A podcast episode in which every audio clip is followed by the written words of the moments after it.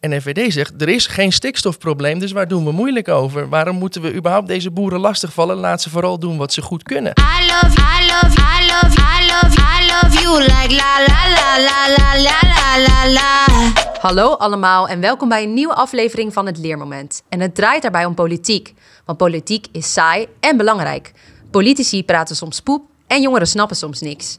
15 maart zijn de verkiezingen en daar schijnt heel veel van af te hangen. Dat zullen we nog wel eens zien. Ik ben Emily en ik ben vandaag in het Stadskanaal in Groningen op het ROC Noorderpoort.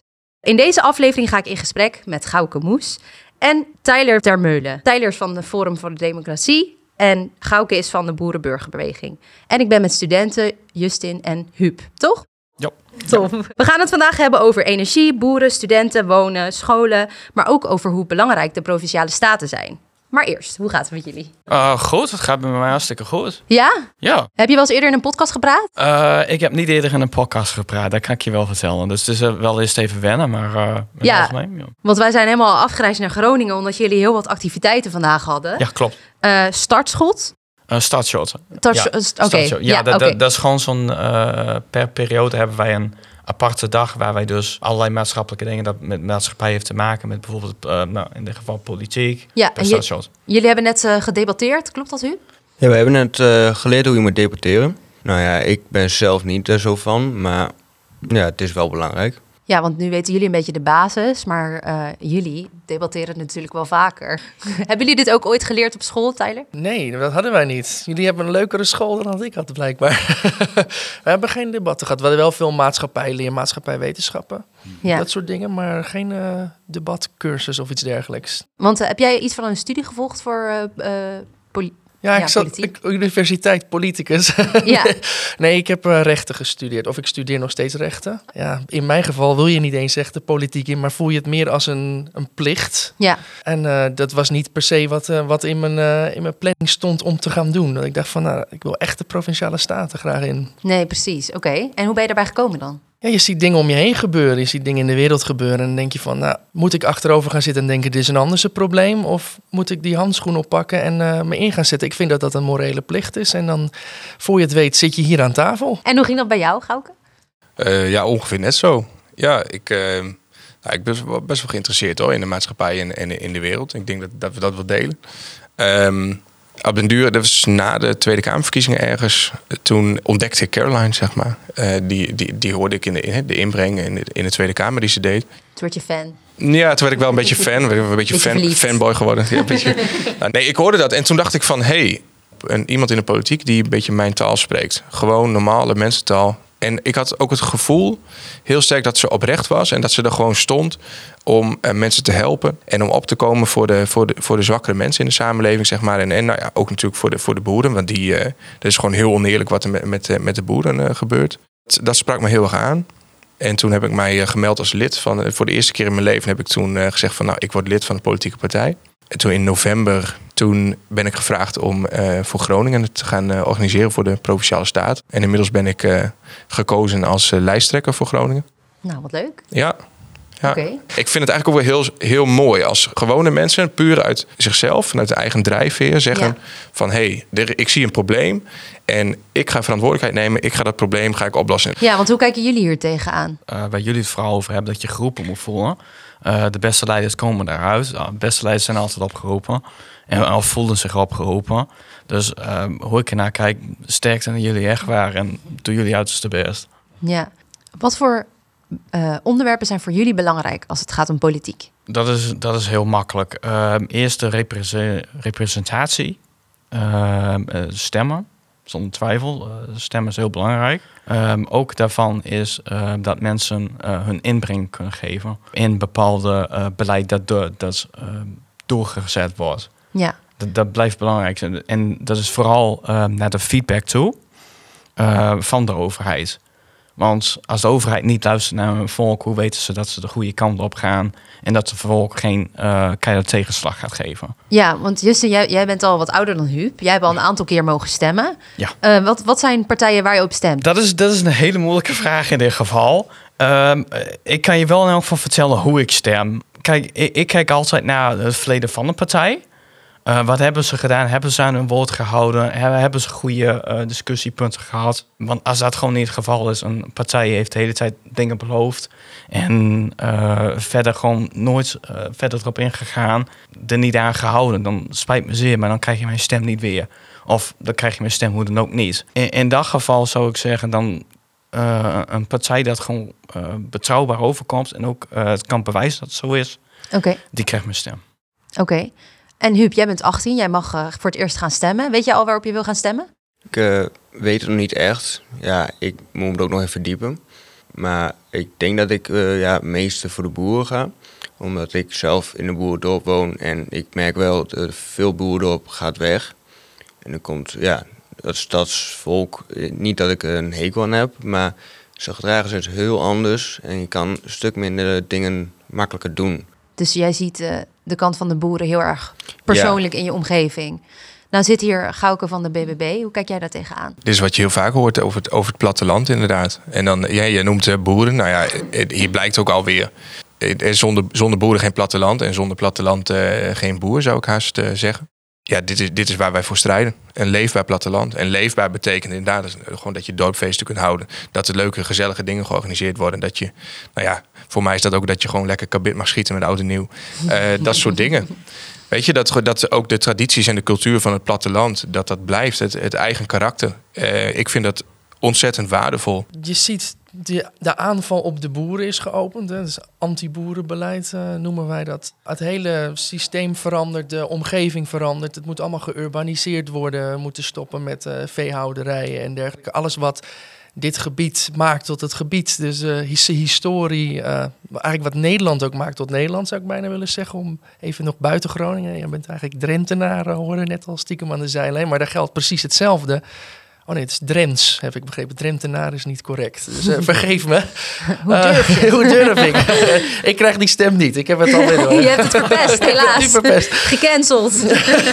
Nee, je ziet alles veranderen en je begrijpt het niet. Dat is ook waar we het net over hadden. Je pakt die handschoen op, want je denkt, waarom gebeurt dit? Ik ben natuurlijk geen politicus, maar ik weet wel dat de, de reden hiervoor vaak eh, het klimaat benoemd wordt. Hoe denken jullie hierover, Tyler? Wij zijn het fundamenteel oneens met de stelling dat vanwege de stikstofproblematiek die boerderijen allemaal op moeten doeken. Dat is, eh, nou, d- er is discussie over in de wetenschap en het wordt als een bepaald feit gepresenteerd aan ons allemaal van dit is er. Dus daarom moeten de boerderijen weg. En FVD is de enige partij die zich fundamenteel tegen die, tegen die, nou ja, die waarheid die eigenlijk wordt aangedragen, terwijl het een mening is, eh, verzet. Justin, hoe kijk jij hier tegenaan? Ehm, ik vind dat ehm, het stikstofbeleid niet eh ten nadele moet komen van het volk waar het leeft in Nederland. Ik Ja. bedoel, je, je dient ehm, je volk. En dat is waarvoor je eh, gaat. Je dient niet eh, het stikstofbeleid. Ja, precies. Zo zie ik het. Oké. Want hoe komt het dat het in Nederland zo'n actueel onderwerp is? En in omgevingslanden hoor je er wat minder van. Ja, dat is een hele goede vraag. Het, het komt omdat we het als Nederlands zelf gedaan hebben. Dat is heel bijzonder. Ja, is, Niet omdat we hier meer platteland hebben? Nee, nee, we hebben hier zelfs minder platteland. En het is eigenlijk super bijzonder als je kijkt hoe Nederland het voor elkaar gekregen heeft om zo'n gigantische, eh, efficiënte en milieuvriendelijke eh, eh, landbouw te hebben. Dat is echt ongelooflijk. Dat, dat is, dat is, nou ja, we zijn gewoon de, de wereldleider op het gebied van innovatie, op het gebied van, van, van, van duurzaamheid, van efficiëntie als het gaat om landbouw. Nederland heeft gezegd van wij hanteren hele strenge normen. En, ehm, En jullie en, denken niet dat dat nodig is? Absoluut niet. nou, het, kijk, het is helemaal niet zo, zo ingewikkeld hoor. Wat Nederland gedaan heeft. Kijk, Europa die heeft gezegd er zijn regels voor natuurbehoud. Hartstikke goed. Daar is niemand het over oneens. Europa die heeft gezegd van je moet, je moet de natuur die je hebt, moet je je best voor doen om dat in stand te houden. Ja. Nou, daar staan we allemaal achter. Dat Europa het zegt, vind ik wat minder, maar Nou we ja, staan zeker achter de maar, maar, maar dat doel, Is weer een andere discussie. ja, nee, maar, maar, maar dat doel op zich, we willen allemaal dat de natuur die we hebben, dat, dat, dat het daar goed mee gaat. Ja. Nou, Nederland heeft gezegd: het enige dingetje wat wij daarvoor meten is stikstof. En dan, dan gaan we niet eens echt daadwerkelijk overal meten. Nee, daar gebruiken we een rekenmodelletje voor. Dan gaan we een Excel-sheetje en dan gaan we zeggen: zo en zoveel stikstof komt daar neer van die boerderij. Van, nou, dat kan helemaal niet. Maar als je aan een ecoloog vraagt van wat is belangrijk voor de natuur, nou, dan, noem, dan kan hij honderd dingen opnoemen. En wat doen wij als Nederland? Alles gaat alleen maar om één cijfertje. En dat is de stikstof. En daar maken we niet eens onderscheid in de stikstof die uit fossiele brandstoffen komen en de stikstof die eh, uit de veehouderij komt. Nee, maken we er geen onderscheid? Nee, op papier zegt Nederland van nou, dat rekenen we gewoon op met elkaar en dat is gewoon hetzelfde. Ja, nou, dat, vind, dat vind ik al heel vreemd. Dan zeg, kijk, hoezo een vliegtuig dat vliegt en dat gaat op kerosine en dat gaat op fossiele brandstof. Hoezo stellen we dat gelijk aan een, aan een koe die gras eet en die een, en die een scheet laat, zeg maar, en dat dat dan, dat er dan uitstoot is. Die stikstof die je dus in de, in de landbouw ziet, dat is, dat is een, een kleine kringloop. Want die stikstof die komt weer terug in de natuur en dat is een cyclus. Dat gaat altijd rond. Hè, want, want de mest van zo'n van zo'n dier, dat gaat weer op het land en daar groeien de plantjes weer van en die worden weer opgegeten. Nou ja, dat is een hele mooie cyclus. Ja. Want Tyler, eh, waarom zijn deze verkiezingen zo belangrijk? Nou, een ding wat mensen heel vaak niet bij stilstaan is dat buiten dat we heel veel belangrijke taakstellingen in de provincie hebben, dat de provinciale staten ook de Eerste Kamerleden kiezen. Dus met het stemmen op de provincie of binnen de provincie heb je ook invloed op landelijk beleid, wat er straks door de Eerste Kamer komt en wat er tegen wordt gehouden. En nu dus je kans om daar toch ook weer wederom wat over te zeggen, de kant dat het opgaat, of je daar wel of niet mee eens bent.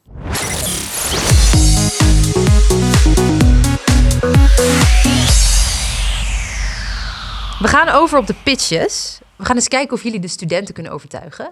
Jullie krijgen allebei 30 seconden om jezelf te presenteren. Waarom moeten Huub en Justin op jullie stemmen? We beginnen bij Tyler. Stem op FVD omdat je fundamentele verandering wil. Wat je ziet bij andere partijen is dat zij in het beleid een beetje in de, in de marges mee rommelen. Maar wij zijn de enige partij die zeggen het moet fundamenteel anders. We gaan niet mee in de waarheid die jullie voor ons creëren. Wij gaan vooral voor de toekomst die we zien, de toekomst die we met z'n allen willen. En niet nu op korte termijn beslissingjes maken waar eigenlijk helemaal... Jezus, het is heel lastig. Ja, 30 seconden. Stem op FVD, want wij willen fundamentele verandering. En niet meedoen met de rest. Nou, dat waren de 30 seconden. Het had ook in drie seconden gekund. Wow. Succes. Gauke, succes. En go. Nou joh, stem op BBB eh, als je wil. En als je er zelf goed over nagedacht hebt en als je ons vertrouwt. En anders, als je liever een andere partij vertrouwt, stem alsjeblieft op een andere partij. Ik wil alleen stemmen van mensen die zeggen: eh, ik ga voor BBB, want ik, ik vertrouw die mensen. En inhoudelijk staan wij voor eh, een sterk platteland, het behoud van het platteland. Eh, wij komen natuurlijk op voor, eh, voor, voor de boeren ook, maar niet alleen voor de boeren. Wij komen ook op voor de mensen die het moeilijk hebben in de samenleving. En dan heb ik het over energiearmoede. Wij hebben bijvoorbeeld ook een heel concreet plan. Oh, dat was al 30 seconden. Oh, Ik vreselijk. dacht, jij hebt hem ook in drie seconden. Ja. Ik zeg stem op BBB als je ons vertrouwt. Ik denk, zo. Het belangrijkste heb ik, het belangrijkste heb ik gewoon gezegd. Dus eh, ja. Huub, op wie zou jij stemmen als je moest kiezen uit deze twee? Nou, de BBB klinkt vertrouwelijker. Oh, Want eh, ja, het klinkt echt alsof ze de, een beetje de meeste zorg wil nemen. Terwijl de... Wat is die andere? Forum? Forum. Als je het al niet meer hebt onthouden, heb ik het niet goed gedaan. nou ja, het, het wil wel veranderingen. Het belooft dan wel weer wat. Maar dan is de vraag, kun je nakomen? Qua geld of kosten van het land? En de BBB zegt meer, wij willen beter voor ja, het land, de mensen. Maar wij proberen het.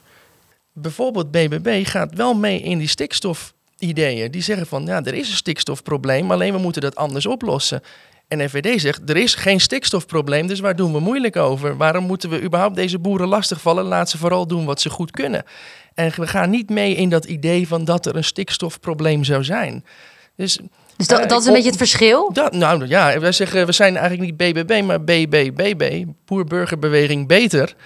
Maar wij gaan niet mee in die, in, die, in die gekkigheid. Wij zeggen gewoon, dit is niet zo. ja, wanneer heb je mij horen zeggen dat er een stikstofprobleem is? Nee, ik heb jou het niet horen zeggen, maar ik hoor Boer-Burgerbeweging dat in, in nationaal wel daarin meegaan. En dan is het eh, eigenlijk het verschil tussen ideologische oppositie, wat FVD volgt. Wij willen totaal wat anders. En beleidsoppositie van ja, we willen het ook anders. Maar we werken binnen de kaders die er dan gesteld zijn, een beetje hierbij, een beetje hieraf. Ik vind verandering vind ik hartstikke belangrijk. Ik vind behoud van eh, eh, bepaalde orde vind ik ook hartstikke belangrijk.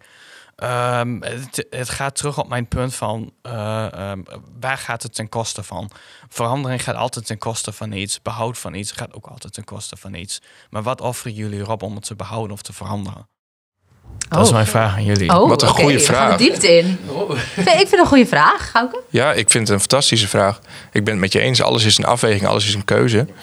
Kijk, de dingen die wij willen oplossen, eh, zijn vooral dingen die rechtgezet moeten worden. Dus dat zijn veranderingen in het verleden die, eh, die verkeerd zijn geweest. Of dingen die gewoon, eh, problemen die ontstaan zijn, die niet aangepakt zijn. En wat kost het? Ik denk dat het voornamelijk geld kost. Wat je daar bijvoorbeeld ziet, is dat voor elke euro die naar de mijnbouwschade ging, daar ging drie kwart naar, naar allerlei bureautjes en experts. 26 cent van elke euro ging naar daadwerkelijk het repareren van de schade. Naar het daadwerkelijk oplossen van de problemen. Dus als je zegt, ja, waar gaat het ten koste van? Nou ja, eh, als ik, als ik mijn, mijn wens vervuld eh, zou zien gaan, dan gaat het ten koste van de dikke bestuurslaag. De, de inefficiëntie van de, van de overheid eh, soms. Het gaat ten koste in onze optiek van heel veel van die paradepaardjes die nu worden gepresenteerd. klimaat, immigratie, dat soort dingen. Als je kijkt naar woningen, woningtekort is een groot probleem. Daar hebben we het net ook al aan de zijlijn even over gehad. Maar waar komt die woningtekort vandaan? We kunnen zeggen, hé, hey, we hebben 10.000 woningen opgeleverd dit jaar. Nou, 10.000 mensen kunnen aan een woning.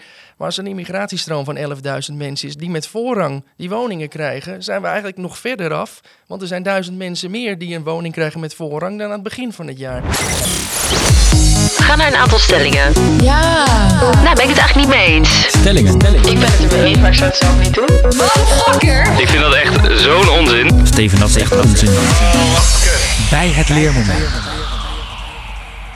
We moeten helemaal stoppen met gaswinning in Groningen. Oneens. En jij? Eens. En jullie? Ja, meer oneens dan eens. Oké. Dus ja, als eerste alle rommel eerst opruimen. Hè? Zorgen dat je de problemen die je hebt veroorzaakt eerst gewoon volledig oplost.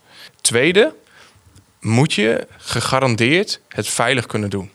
Als het niet veilig kan, zeggen wij nee, kan niet. En dan eh, als derde daarna ook nog een keer eh, moet je gaan kijken van levert het niet meer ellende op dan dat je het oplevert. Dus je zegt van oké, gas eh, heb je nodig. Mensen hebben gas nodig, huiswarming stoken, prima. Maar als je daarnaast eh, eh, nog meer geld moet besteden aan de extra aardbevingen en de schadeoplossingen, dat hele circus wat er dan weer achterweg komt en alle ellende die we, die we hebben gezien, dan is dat gewoon een heel dom rekensommetje om dat te gaan doen. Jij zegt, je moet het oplossen. Maar ik zou, zou niet weten waarom die twee sporen niet gelijk aan elkaar kunnen lopen. Hè? Gaswinning en het oplossen van de problemen. Want jij denkt dat gaswinning veilig is. Ik ben geen specialist op het gebied van gaswinning. Maar we doen net alsof aardbevingen hier een heel uniek probleem zijn. Over de hele wereld zijn aardbevingen. Dus we kunnen volgens mij ook goede oplossingen vinden. We hoeven het wiel niet zelf uit te vinden. Maar goede En is een oplossing dan niet stoppen met gaswinning? Ik weet niet of daarmee alle aardbevingen volgbaar zijn. Die zullen nog steeds blijven. Volgende stelling.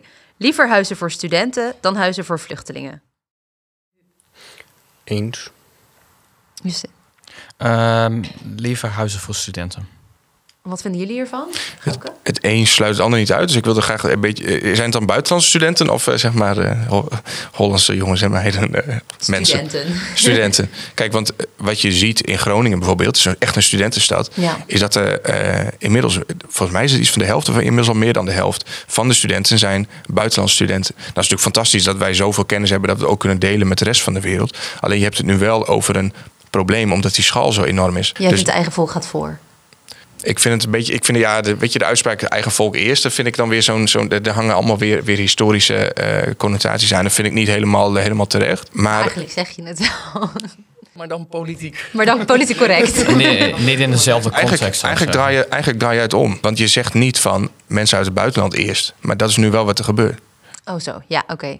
Ik denk dat jouw mening deels overeenkomt met Gauke, of niet, Tyler? Mijn mening komt deels overeen in de zin van zeker eerst studenten voor en dan inderdaad Nederlandse studenten. Want die universiteiten, hogescholen, eh, andere eh, onderwijsinstellingen, die worden zo internationaal gemaakt. Eh, tegenwoordig is al het onderwijs is in het Engels zo'n beetje. Dat is ook een gigantische afbreuk natuurlijk aan onze cultuur. Het moet gewoon Hollands onderwijs zijn. Jij hebt liever helemaal geen vluchtelingen. Nou, lief helemaal geen vluchtelingen. Al- Vluchtelingen zijn altijd situaties waar we mensen inderdaad een veilige haven moeten bieden. Maar ik denk dat we veel meer in de regio kunnen doen. Nou ja, ik wilde hier wel wat bij inbrengen. Eh, ik woon dan in Nieuweerdingen, dus ik heb heel veel van het, ja, de, mensen uit het AZC wat bij ons voor de deur langs loopt. Ik heb geen hekel aan de mensen, maar wij hebben slapeloze nachten gehad dat mensen op straat lopen schreeuwen tegen elkaar in een andere taal dan Nederlands, Engels of Duits. Eh, we hebben jongens die elkaar neersteken bij ons in het dorp omdat het buitenlands is. En eh, nou ja, het huizenprobleem is ook gewoon een groot probleem bij, bij de jongeren. Omdat het ten eerste te duur zijn. Of het is niet mogelijk, omdat het eh, wachtrijen staan. En om terug te komen op de vluchtelingen. Ik gun ze het beste hier. Maar als het op de duur weer veilig is in het land en het is bewoonbaar. Ja. En er is hulp in het land. Zoals best wel veel plekken in de wereld. Kun je gewoon weer terug. Komt in een land, je krijgt bijna alles. Je krijgt een dak boven je hoofd, je krijgt eten. Je krijgt drinken, je krijgt geld om doen wat je wil. Nou, en dan maak je er misbruik van, want je steelt. eh, je zit aan mensen waar je niet aan mag zitten. Eh, nou, je sloopt dingen. Mag ik even een compliment geven aan Huub? Want die jongen die woont dus in een dorp waar ze ontzettend veel overlast hebben. Hè? Van, van mensen die, eh, die de taal niet spreken, die, die een hele andere cultuur hebben. En alsnog heb jij zo'n groot hart dat je zegt... Als het, als, het, als het onveilig is in je eigen land en je bent vluchteling... dan vind ik dat je hier eh, eh, opvang moet kunnen krijgen. Moet je nagaan hoe groot het hart is van die mensen... die zelfs als ze er last van hebben. Aan de lijn hebben wij Soraya Riem. Influencer op TikTok, heeft een eigen kookboek uitgebracht en kan ons alles vertellen over sociale media. Hallo. Hallo. Goedemiddag. Goedemiddag. ja, jij bent eh, eh, bekend eh, als boektokker, maar ook als misschien wel koektokker. Klopt dat? Koektokker. Ja, Ja, ja, klopt. kan je daar iets meer over vertellen? Ja, ik, ik, ben, ik maak video's op TikTok, kookvideo's. En video's over boeken dus. Ik ben ongeveer twee jaar geleden begonnen. En ja, opeens ging er iets viral. En toen, toen, ja, toen ben ik kookvideo's gaan maken. En dat ging eigenlijk heel lekker. Wij zitten hier met twee mensen aan tafel die eh, in de politiek zitten. Zouden zij ook eh, zoveel volgers als jij kunnen halen? Als zij aan TikTok zouden beginnen? Tuurlijk, iedereen kan zoveel volgers halen. Dat is eh, nooit onmogelijk. Hoe moeten zij dit doen? Oh ja, jeetje. Ehm, beginnen, begin, kijk, als je op TikTok wil, is het belangrijk dat je weet wat er op TikTok speelt. Dus ik denk dat het belangrijk is als je, dat je eerst TikToks gaat kijken. Ehm, want je moet een beetje inspelen op de dingen die lopen op TikTok. Anders, eh, anders lukt het niet. En kijk ook vooral naar de mensen die zich bevinden in jouw werkveld. Ik bedoel, je, je bent vast niet de enige politicus op TikTok. Ehm, kijk naar andere politica, politica die jij goed vindt. En ehm, eh, ja, kijk wat daar gebeurt. Kijk wat je daarvan over kan nemen. Vind jij dat mensen uit de politiek op TikTok moeten? Ja, waarom niet? Ik denk dat TikTok bij uitstek het medium is om ehm, op een authentieke manier je boodschap over te brengen. Ik bedoel, je kan wel allemaal hele eh, interessante interviews geven aan een, een, een, een cameraploeg die in de Tweede Kamer staat of whatever. Maar ik denk dat het, als jij ehm, een boodschap over wil brengen, dat je dat beter vanuit jouw persoonlijke, authentieke eh, standpunt kan doen. Dan, eh, en ik denk dat Tik- TikTok daar bij uitstek het medium voor is. Zeker. Kan jij een voorbeeld geven van ehm, iets wat je absoluut niet moet doen op TikTok als politicus? Ik zou, ik, zou geen, ik zou geen dansjes gaan doen. Eh, ik bedoel, het werkt op TikTok, maar ik denk niet dat mensen je daarna nog heel serieus gaan nemen. Shit, waren we net van plan. Skip het item oh, hierna. Ehm, wees echt, wees grappig en eh, wees snel. Dat zijn denk ik de grootste tips die ik je kan geven. Goeie. Ehm, je hele standpunten uitleggen in een video van drie minuten heeft, heeft geen zin. Ja. Je, je houdt ze niet vast, dus dan, eh, dan werkt het niet. Top. Nou, dat was het alweer. Dankjewel. Ja, Dank je. alsjeblieft. Dankjewel. Doei. Justin, als jij een tip hebt voor deze mensen, voor de politici. Eh, mijn tip zal dan zijn om altijd te luisteren eh, eh, naar de mensen om jullie heen, de mensen die jullie representeren. Maar ook bij jullie eh, ideaal te houden. Niet te veel veranderen van jullie eh, eh, pad. En jij, Huub, wat is je tip? Eh, hou het simpel. Vooral eh, gesprekken dat mensen, vooral de mensen die ja, minder slim zijn, wil ik niet zeggen, maar minder eh, makkelijk dingen begrijpen, eh, het nog kunnen begrijpen. Tyler, wie zou jij willen nomineren als het gaat om beste social media politici of politicus? Eh, ik zou Thierry toch zeggen. Ja? Ja, hij laat eh, veel dingen zien van wat we als partij doen. Eh, filmpjes, eh, posts over partijstandpunten. Maar hij laat ook dingen zien die hij in zijn privéleven doet. En ik denk dat die afweging heel leuk is, omdat je dan ook meer een beeld krijgt van wat iemand voor persoon achter de scherm is. En jij? Ja, dan ga ik ook voor mijn voorvrouw, Caroline. Eh, Origineel. Nee, hoor. ja, dat is, het is natuurlijk open deur. Maar Caroline die, ehm, die maakt ook op social media, denk ik, de politiek heel begrijpelijk en, en benaderbaar. Dat, dat je gewoon, als je een filmpje ziet van, van Caroline, nou, dan snap je ook waar het over gaat.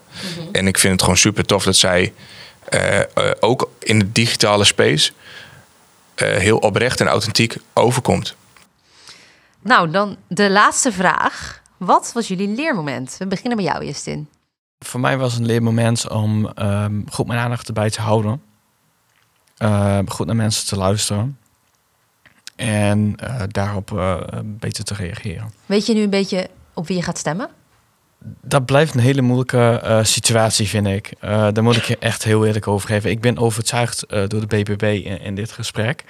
Eh, ik, maar ik moet zelf ook mijn eigen eh, deel onderzoeken. Ja. Ehm, ook qua Luister alle andere over- podcasts die wij gemaakt hebben, misschien. ik, ik, ik, ik, zal in elk geval, eh, zoals altijd, ik heb me altijd ingelezen voordat ik ga stemmen. Ja, goed. Altijd. Heel goed, heel goed. Ja. En jij, Huub, wat was jouw leermoment? Eh, nou ja, dat ik wat meer weet over de politiek. Eh, een beetje hoe het in de Tweede Kamer, ja, hoe het makkelijk te begrijpen wordt. En nou ja, eh, het is gewoon fijn dat eh, geluisterd wordt. Ja, oké. Tyler? Ja, dat luisteren komt steeds terug. En mijn leermoment is dat dat dus echt belangrijk is voor mensen. En wij pleiten elke keer voor vormen van directe democratie. En dan zeggen mensen, ja, maar we, hebben, we worden vertegenwoordigd. Maar je ziet dus dat er gewoon nog steeds behoefte is om vanuit eh, de mensen waar het uiteindelijk om draait, waar die beslissingen impact op hebben, gewoon feedback mee te kunnen geven en over belangrijke dingen mee te beslissen. Dus het is niet zozeer een leermoment, maar die bevestiging van hoe belangrijk dat is om, dat, om ons daarvoor in te blijven zetten. Gauke? Ja, voor mij eh, die 30 seconden. Ik kon de, ik kon de pitch niet binnen 30 seconden. En, en eh, was een beetje de les voor jullie ook. Hè? Als je zegt van je doet TikTok-filmpjes of shorts of Instagram Reels, hè, zei je geloof ik. Hè? Maar als je de, ik denk dat het wel een leermoment voor mij is om te kijken of ik de boodschap in 30 seconden of minder kan doen. Nou, interessant. Dat was het dan alweer voor vandaag. Volgende week zijn we er weer eh, met een nieuwe aflevering. Met, eh, eh, in Lelystad zijn we dan, met andere studenten en andere mensen uit de politiek. En pak je agenda erbij, want op 23 februari hebben we het evenement Stem in de Media. Met tientallen studenten, dappere politici, populaire DJ's. Heel erg leuk dus. Stay tuned voor meer informatie en volg ons op alle socials, Clipjesfabriek. Of ga naar de website clipjesfabriek.nl slash stemmen in de media. Doei!